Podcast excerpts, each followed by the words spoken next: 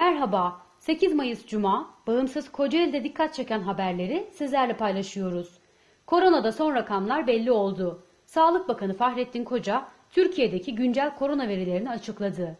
Bugün 1848 yeni vakanın tespit edildiğini vurgulayan Koca, virüs nedeniyle 48 kişinin ise hayatını kaybettiğini duyurdu. Seka Park'ta 1000 metrekare kaçak işletme. Seka Park'ın mimarı olarak bilinen AKP'li Talha Köz, buradaki bir işletmenin fotoğrafını paylaşarak demediğini bırakmadı. Köz, işletmenin kaçak olduğunu da söyledi. 21 gün uyutuldu, koronayı yendi.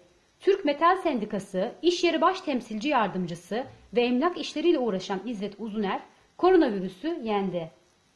15 gün önce aldığı aracıyla kaza yaptı, hayatını kaybetti. Derince D100 karayolunda sürücüsünün direksiyon hakimiyetini kaybettiği otomobilin demir bariyerleri aşarak karşı şeritten gelen otomobil ve tankeri çarpması sonucu meydana gelen trafik kazasında İbrahim Apaydın yaşamını yitirirken iki kişi de yaralandı. Kocaeli'de hastalar için büyük hazırlık.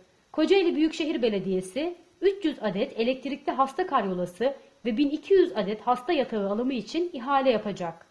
Haberlerin detaylarına ve daha fazlasına www.bagimsizkocaeli.com.tr adresinden ulaşabilirsiniz.